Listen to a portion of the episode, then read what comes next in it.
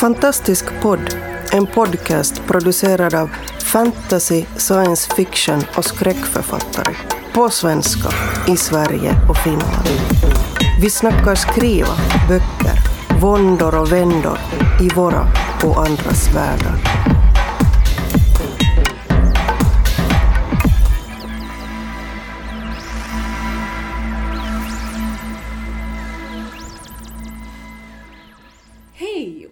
Välkomna till Fantastisk podd. Det är Västkustgruppen som eh, pratar idag. Och med oss har vi mig, Susanna Björnberg. Susanna Nissinen. Marcus Olausson. Och Fredrik Persson. Yes. Och idag så har eh, faktiskt Marcus någonting som han vill ta upp med oss. Vad är det Marcus? Det lät ju som att jag är sjuk eller. Eh, eh, Nej, jag tänkte vi kunde prata varumärke och eh, marknadsföring. Hur, hur man når ut. Det, som författare så vill vi att någon läser det vi har skrivit och hur, hur uppnår man det? Hur eh, når man fram till förlag och blir publicerad och allt sånt här? Liksom. Hur, hur jobbar vi med vårt varumärke? Om man nu ska fyrkantigt se det som ett varumärke. Mm. Eh, Jag tänker att vi tar en runda och så får alla säga eh, vad, vad vi gör. Ja, Susanna, du får Ja. börja. ja, precis. Det är lite olika för man tänker sig, det är ju ehm, om man är självpublicerad eller man publiceras på ett litet förlag. Då är ju det här med att nå ut det är ju ett jätteproblem därför att eh, Eh, jag, det fungerar så här att, att det fin, bokhandlare har ju ofta central inköp. Så de bestämmer inte själva alltid eh, vad de tar in. Så, utan det, tar, det är liksom någon, någonting i Stockholm som tas upp. Så det, den, en, en butik av den och den storleken ska ha si och så många titlar. Och utav dem så är det. Så de, det är ju inte alltid som de ens kan få ta in lokalt, lokala författare själva. Och det hade, så hade vi det i Uddevalla där, där eh, bokhandeln eh, ingick i en kedja. Och då gick många utav eh, de som jag känner gick in där med sina böcker och tyckte att de kunde ta in dem? Men de fick inte göra det utan de fick inte bestämma själva vilka böcker som är och det blir ju naturligtvis ett problem. Och, och det är också så, om jag inte har missförstått det, de har någonting som heter bokhandelsdagar, alltså bokförlagen presenterar böcker för, för de här inköparna, för kedjorna och så, och, och de får, man, de får liksom tid i, i förhållande till hur stora de är. Så att det är ju därför som bara att, bara att bli, få sin bok in i en bokhandel är inte alltid busenkelt. Och det är ju för det första, det är ju det viktigaste att, att de som ska köpa en bok ska hitta den, att den finns någonstans fysiskt. Och då är ju nätet ett alternativ då för dem. Jag vet inte vad ni för... Det, det går att få in den eh, lokalt men det är lite jobbigt. Ja. De, de kan göra lokalt eh, inköp men Mm. det är väldigt begränsat tror jag hur mycket de får köpa Ja, in. och precis. Så, så, så, så har jag gjort för det är ju Ja. Akademibokhandeln som finns på de flesta Ja, ställena och är precis. centralt styrt. Ehm. Men det är värt att kämpa lite. Man får Ja. tjata på dem. Mm. Men hur gör man det då? För det är lite grann det som är knäckfrågan i det känner jag att om man inte har de här Bamseförlagen i ryggen som ser till att man hamnar på de där bokhyllorna. Hur- Hur, ska man tjata då? För det är lätt att vara liksom bli för gå på också så Ja, att man precis. trött, blir liksom ja, bokhandlarna tröttnar helt enkelt. Ja. Ja. Det är ju också Alltså det, det är ju också en sån där, det, det märks att det är skillnad på en bokhandlare och en bokhandlare. Så om de är intresserade av den lokala marknaden så då är det lättare att få dem eh, att få in böckerna där och att de lägger dem på ett bra sätt i skyltfönster till exempel. Och, och så. Att man, de, kan, de kan ju skapa ett intresse för, för lokala böcker. Så hade jag en annan tanke som jag tappade bort helt plötsligt här som jag... Fortsätt du Susanna. Ja. Eh, jag tänker lite, hur, hur gör vi för att nå ut till läsare om vi inte tänker bokhandlar utan mer sociala medier, Mm. eh, att dyka upp på platser. Mm. Vad gör ni? Jag kan väl svara på vad jag gör. Eh, Gör det Fredrik. Det är, det är inte jätteavancerat. Eh, Jag vet inte heller om det i vilken mån det når ut men Jag har en blogg eh, som jag skriver lite grann på ibland. Eh, det är väl inte så ofta som jag själv skulle önska men kanske en gång i veckan, varannan vecka så lägger jag ut någonting där och, och där skriver jag bara om skrivprocess och vad jag tänker på och lite andra mm. grejer runt det. Eh, sen har jag Twitter som jag slänger ur mig lite grejer på ibland också. Eh, mm. Men det är ju lite som att, så att säga, skrika i rymden. Det är nog inte så många som hör men de som tittar kanske gör det. Mm. Eh, och sen har jag, vad har jag mer? Jag har ju Facebook också ungefär men den är egentligen kanske mer privat så att där gör jag inte så mycket. Men alltså jag har aldrig gjort så mycket på Facebook så om jag säger saker om böcker och skrivande där och mm. någon råkar tycka det är intressant så ja, då, då gör jag det. Men eh, det är liksom, jag har ingen författarsida eller någonting sånt där mm. än. Det har jag väl tänkt men mm. ja, jag har inte kommit fram till mm, det Det kan vara något att tänka på redan innan man har skrivit klart sitt manus. Att kanske starta upp en blogg eller någonting och ha, mm. ha en liten plan. Ja, det, det har jag gjort. Mm. Jag har både en Instagram som författar-Instagram där jag hashtaggar allt med författarliv. Ehm, jag gör inte så mycket. Men det jag gör har med skrivande att göra. Ehm, och sen har jag ju en blogg som jag inte har använt på ja, fyra, fem år kanske. Mm. Ehm, som förhoppningsvis vaknar till liv en dag. Och det här med författar-Facebook-sida. Mm. Men där känner jag att jag ändå behöver leverera någonting innan. Mm. Det finns ju det finns ju sätt som, som det här med förhandsbokningar. Så att till exempel Adlibris, om man pratar, med, pratar om bokhandeln på nätet till exempel. Där är det ju så att om, om eh, man kan få sina följare då via Twitter eller Facebook eller så, de som, att, att de förhandsbokar en bok när den är på väg att komma ut då får, då, då får den lite mer högre profil på, på Adlibris till exempel. Så att, att, eh, att ha kontakter via nätet med läsare och, och, ha aktiva läsare som också är på hugget när en bok är på väg att komma ut så, så kan man funkar det så. Men sen kan, en sak med bokhandlar också, fysiska bokhandlar, det är att eh, som Akademibokhandlarna, de här, de har ju bara en, en hylltid på sex månader en bok. Efter sex månader så plockas de ju ner och så skickas de tillbaks i retur. För det kommer hela tiden nya böcker så att den boken man, den lilla boken man har skrivit den, den, den får ju hela varje sex månader så kämpar den med nya eh, böcker så att, som ska fyllas. Så, Medan på, på nätbokhandeln finns de ju längre då, men, men då måste den ju hittas där. Man måste nästan veta vad man letar efter. Den kommer, där har de ju också bara de här största titlarna är de som är mest aktuella, de som köps mest och så. så att, eh, och där på, på just när det kommer till nätbokhandeln, då kan det ju hjälpa med lite följare om man behöver förhandsbeställa och sådär. Ja, gör det något? Men det där, det där tycker jag är rätt fascinerande och rätt bra att veta också. För alla vet ju att de här sociala medier har en massa spännande små algoritmer som ja, ibland sållar bort väl mycket som man kanske borde se och, och ibland kanske lyfter upp saker som man själv gillar och har gillat. Och så där. Det kan man ju diskutera på ett sätt. Men en sak dock som är rätt bra att veta med det där, det är det att ju fler som tittar och som klickar på gilla och, och framförallt som börjar dela de grejerna man skriver där, desto högre upp i andras flöden hamnar mm. de inläggen man gör. Alltså framförallt på Facebook, men även numera Instagram och Twitter faktiskt. Så att det är klart att kan man få det att liksom lyfta på det sättet, och då kommer ju ständigt förfrågan, hur gör man det då? Jo men en grej är ju den här klassiska sharing is caring lite grann. Att om man själv är duktig på att dela och hylla och lyfta alla andra eh, så brukar det resultera i att folk börjar titta på vad man själv skriver och då kan de förhoppningsvis lyfta det. Och har man då en hel hög följare som sen då får reda på att nu kommer faktiskt min bok, eh, mm. ja, vad den nu handlar om, och den kommer att gå att förhandsboka då och då. Då når det helt plötsligt ut till fler än vad man kanske tror.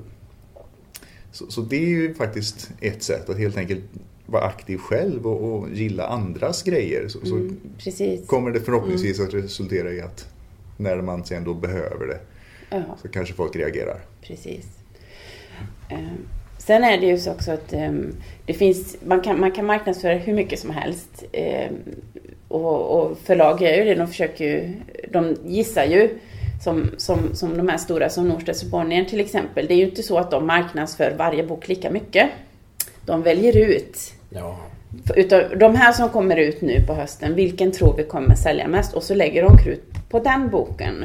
Det finns en jätteintressant artikel i en, en fokustidning från, som man kan, man kan hitta den på nätet fortfarande, som handlar just om den försäljningsstrategin. Så att bara för att man kommer ut på ett jättestort förlag betyder det inte att man får hela marknadsföringsapparaten, utan de, de gör det minimalaste för, eller ja, den liksom för eh, alla, men sen så väljer de ut några som de trycker ut mer, om de försöker att få mer publicitet på dem. Det är de de tror kommer att slå. Men de har ju inte alltid rätt på det. Eh, och, men, men för i, till syvende och sist handlar det om vad vill folk läsa? Och det bästa sättet, bästa marknadsföringen är när folk rekommenderar den till varandra, en bok. Och det, det är när, när en bok börjar få ett eget liv. Alltså, och ingen marknadsföring kan slå det. Att, att folk står till varandra. Du, tittar, det är en man som heter Ove. Den är så jädra rolig, du måste läsa den. Och så ger de den till varandra. Eller populärmusik från Victola. Eller så. Att, eh, att det var, att det är då någonting händer. Och det, det kan ingen marknadsföring slå.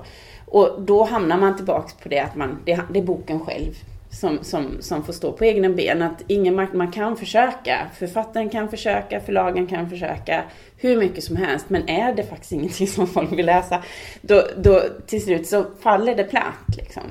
Så att, eh, att man måste komma ihåg det också. Att, eh, för det var en, en klasskamrat till mig som gick i författarutbildningen, Helena Torfin, som skrev sin, hennes första bok, Innan floden tar oss. Den blev så. De marknadsförde den, de gjorde mycket marknadsföring, men efter ett tag så bara den blev mer och mer och mer och mer och mer och mer. Och där hade förlaget själva sagt det här, det här är word of mouth liksom.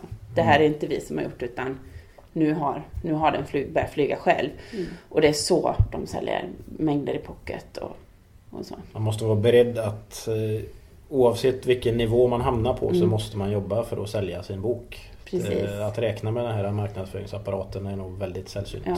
Men sen måste man ju naturligtvis hjälpa till så att folk, den första personen får den i händerna som ja. sen kan... Mm. Alltså så det är ju en... Men att man också kan tänka på att boken måste stå själv. Är det där de här blurbarna kommer in då? Ja, precis. Blurbar. Ja, en slags precis. försök att skapa word of mouth utan att det finns någon. Eller vad ska man ja, säga om dem? Att det finns en blurb. Ja, precis. Eh, det, det, är nästan så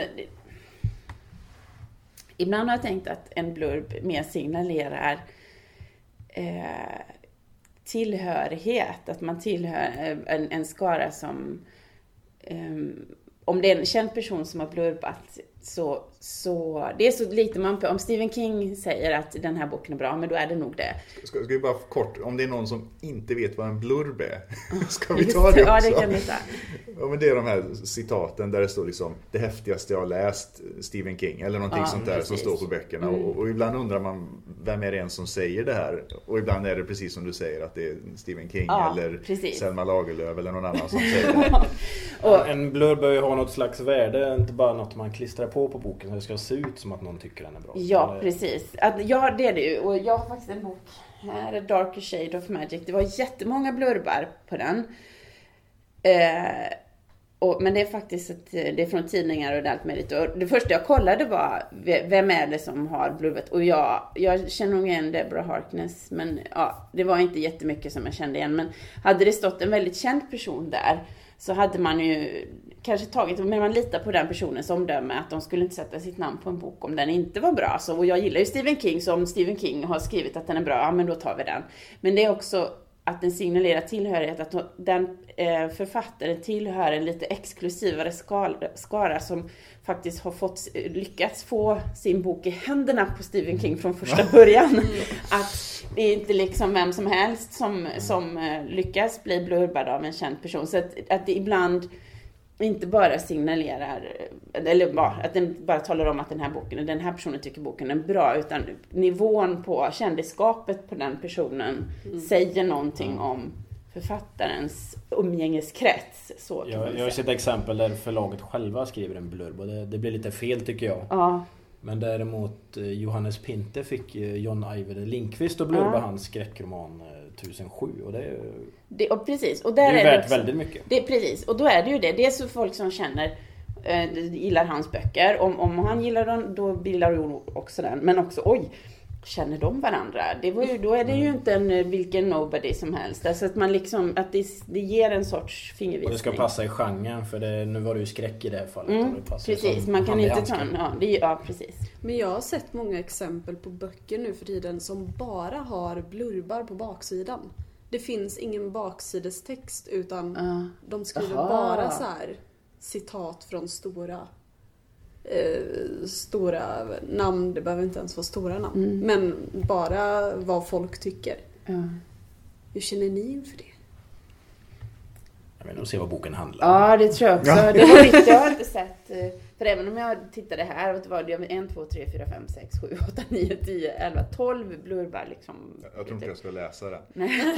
Men, eh, men, men jag läser, för mig är det ändå intressantast vad boken Mm. handlar om. Så att det var nytt, det har Ja, men ofta finns det ju en... Jag tror att det är oftast på inbundna böcker och då har man ju alltid eh, Mm. eh, på insidan av omslaget, den här lilla kanten man viker över. Mm. Där kan det stå kort Ja, just om...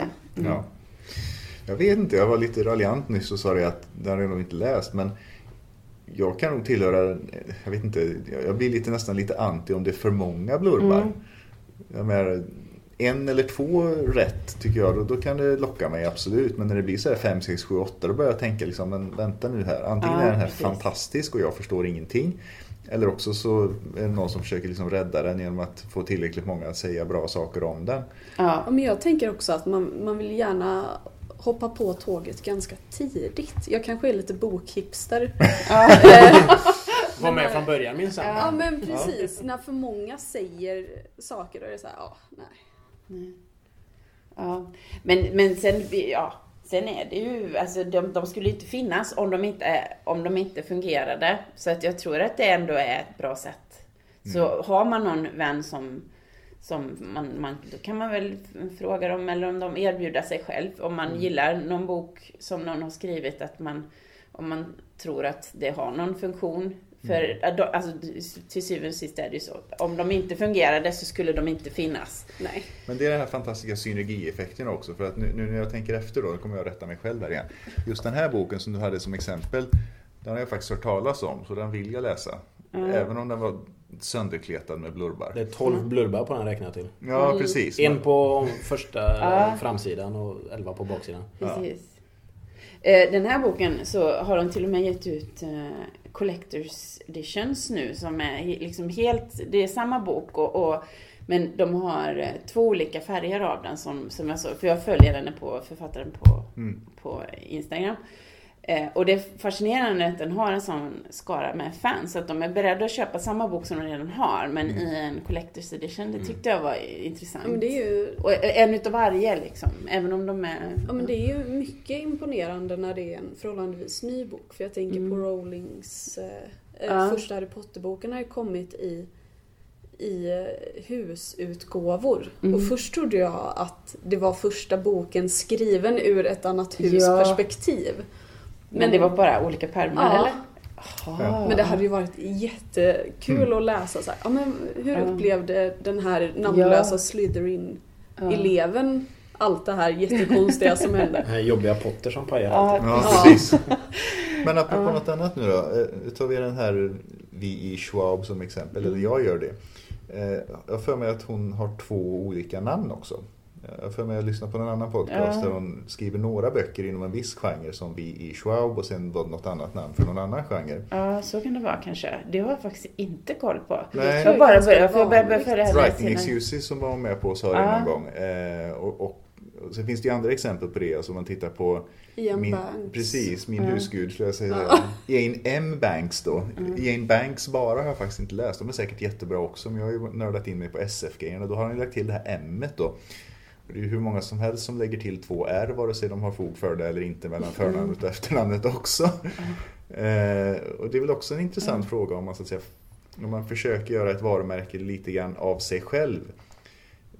I vilken mån spelar det någon roll att heta något fräckt då liksom? Ja, Ska man kalla sig för Dirk Dark Dirk bara för att det är fräckt? Eller ska man Ja. heta Kalle Karlsson? Ja, precis. Men jag tror att det spelar mer roll om man vill om man har skrivit inom en genre och sen försöker något nytt men inte vill förlora sina gamla läsare. Om, Mm. om man nu skulle misslyckas totalt med det här nya, då kan det vara bra att ha ett extra Mm. Ja, namn. precis. Robin Hobb skriver väl under Jane Lindsköld, heter hon så? Är det inte Megan Lindholm? Ja, men jag, jag, Ja, hon har jag tror att det finns tre. Ja. Eh, men Holm är det nog ja. Och Stephen King skrev väl också någonting under ett annat namn. Ja, det är många som har gjort det och, och det, är liksom, det, är något, det är ju pseudonymer i olika, i olika former och, och King skrev under Richard Backman och sånt Mm. där. Ja, något sånt. Ja, just det. Precis. Så, Men det är också en fråga för då har man ju helt plötsligt börjat med något annat intressant. Och det är ju, så jag jobbar ju rätt mycket med varumärken så att säga på jobbet då när jag inte sitter och skriver. Eh, och man pratar ju ibland mycket om märkesdifferentiering. Mm. Vilket i princip då är att man kan sälja mer eller mindre samma produkt med lite olika designstuk på men Mm. precis samma insida och sen sätter man olika varumärken på det för att kunna konkurrera i olika prisklasser.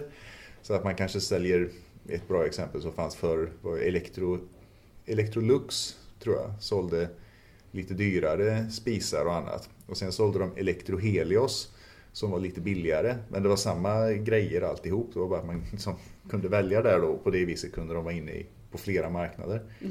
Och det är lite samma sak då med pseudonymer. Då, att om man då har en pseudonym när man skriver eh, deckare och en annan pseudonym när man skriver erotiska noveller eller vad det nu kan vara.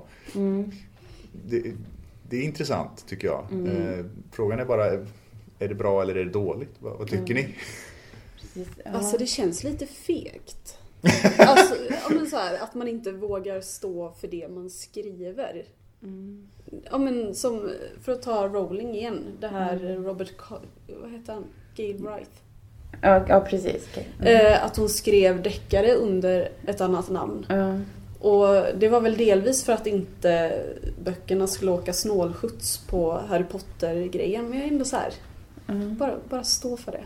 ja, precis. Men det så gjorde ju han som eh, skrev eh, Nalle Puh också tror jag. Jaha. Eh, han fick ju skriva under pseudonym för det var ingen som ville läsa annat än Nalle Puh när han skrev. Så då fick han göra, jag tror det var så. att Ja. han fick- Men det finns ju olika sidor av det. För ett namn kan ju vara lättare att komma ihåg också. Om Mm. du, som jag heter Olausson liksom. Det är lite väl vanligt egentligen. Så jag, jag funderade mycket när jag när jag debuterade liksom, ska jag ta ett annat namn? Men sen i slutändan så vill jag stå för mitt namn och göra Va, är, åtminstone någon i familjen stolt men, över men mig. förlåt, är Olausson vanligt? Nej men det är ju ett sonnamn ändå. Det, det är ju inte som Kepler eller ja, Mm. mer slagkraftiga namn. jag, jag tror det kan spela roll hur varumärket sprids. Men, På alltså, någon nivå. men det kan man väl stå för ändå. För med tar man till exempel Banks då som, och, tar upp igen. Han, så vitt jag vet, gjorde ju ingen hemlighet av att han hade så att säga ett annat namn när han skrev science fiction än han hade när han skrev Mm. romaner. Det var bara att han kletade dit ett M. Mm. Mm. Bara för att differentiera mellan så att säga genrerna snarare än något annat. Mm. Så det måste ju inte vara en hemlighet att, att, eh, att man är samma person bara för att man har olika namn i olika genrer. Men sen är det också... Nej. åh, nej, men, men sen har ju eh, ett namn ett värde som eh, att eh, Camilla Läckberg till exempel. Eller att hon, man vet vad det är, man vet vad man får. Och, och är det så att hon skulle vilja skriva någonting annat så kan det ju vara lite svårt för att folk förväntar sig en viss sak av. Mm. Som, som just J.K. Rowling eller någonting sånt. Men eh, sen är det ju också det att när man väl har byggt, sitt, alltså, byggt sin, sitt kändisskap eh, som författare på en viss typ av, så är det ju lättare att sälja också. Man köper det bara för att man vet vad man får. Mm. Och, och så att det är, så det, det är nog, blir man känd på en viss typ av böcker så är det nog svårt att eh, svårt att dels att, att skriva någonting annat därför att man, man eh, vi har bara engelska ord jeopardize, men alltså man, att varumärket kan skadas av att man... Ä- Äventyrad. Ja, precis. Äventyra sitt varumärke därför att man är känd för en viss sak. En sån här, alltså, vad är det han som, han som heter Dan Brown som skrev Da Vinci-koden. Om han helt plötsligt skulle börja skriva en kärleksroman. Det är alltså... Mm. Det, han skulle äventyra sitt varumärke som Dan Brown. Så att, men det är ju någonting som man, väldigt få personer egentligen behöver tänka på. Det är ju när man, det är så få som blir så stora liksom. Så att, Mm. men, men, men det är ju inte... Jag tror att när de väl blir så stora, de här författarna, så, så, så är det svåra eh, balansgångar att gå om de vill utveckla sig själva i sitt författarskap men kanske inte kan hur som helst utan att äventyra sitt varumärke. Mm. Det är väldigt intressant det vi säger och jag, jag, jag skulle faktiskt vilja avsluta med att eh, alla får säga vad vi skulle vilja ha för, eh, för pseudonym. Om ni fick välja vilket namn som helst i hela världen. Och får jag börja? Ja. Batman. I'm Batman. ja, precis. Du, du tänker inte att det kan inkräkta på något Nej, annat nej, varumärke? nej, men du får ju leva i som hjälpa dig då. Nej, men nu lever vi i, i ren fantasi här. Jag, det är jag. When in doubt, always be Batman. Ja, Marcus? Jag har ingen jäkla ordning. Jag, jag har funderat på pseudonymer men jag har aldrig kommit fram till något bra. Så jag, det är nog därför jag inte har skaffat någon. Ja. Mm. Men om du, om du är tvingad, om du sitter i en podd och alla tittar på dig, Ja, Ja. eller lyssnar. Precis. Hotar dig med Ja, för hot böcker. brukar vara bra för min kreativitet. Jag kan testa en karamell på dig. Ja. Morgan Bläck. Det var ju bra. Ja, Fredrik, herregud. varsågod. Nej, jag, jag är ju som vanligt ängslig för att säga sådana saker. Men, men jag står och funderar på det just nu faktiskt. Om jag ska använda en eh, pseudonym eller inte. Men jag har inte bestämt mig exakt hur den ser ut. Så att jag tar min, min pseudonym som jag... Om jag skulle få välja vad som helst så skulle det givet vara, givetvis vara Bond. James Bond. Alltså jag, jag står ju lite och väger. Antingen ska det vara något riktigt häftigt eller något riktigt töntigt. Ja. Gun, Ja. tänker jag. Gun Blomma. Ja. Eller John Wayne. Ja, men John Wayne. John Wayne blir det nog.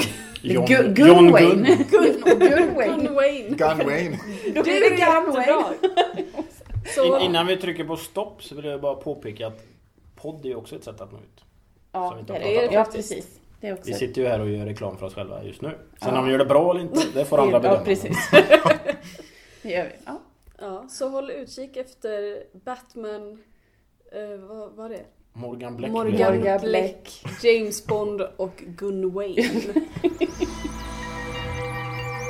Du har lyssnat på Fantastisk podd. Om du trivdes i vårt fantastiska poddsällskap och vill ha mer så hittar du äldre poddar och information om oss som deltar på vår hemsida under fantastiskpodd.se och på vår Facebook-sida Fantastisk podd. Har du frågor eller förslag på vad du tycker att vi ska tala om, hör gärna av dig antingen på Facebook eller via kommentarer på hemsidan. Vi hörs!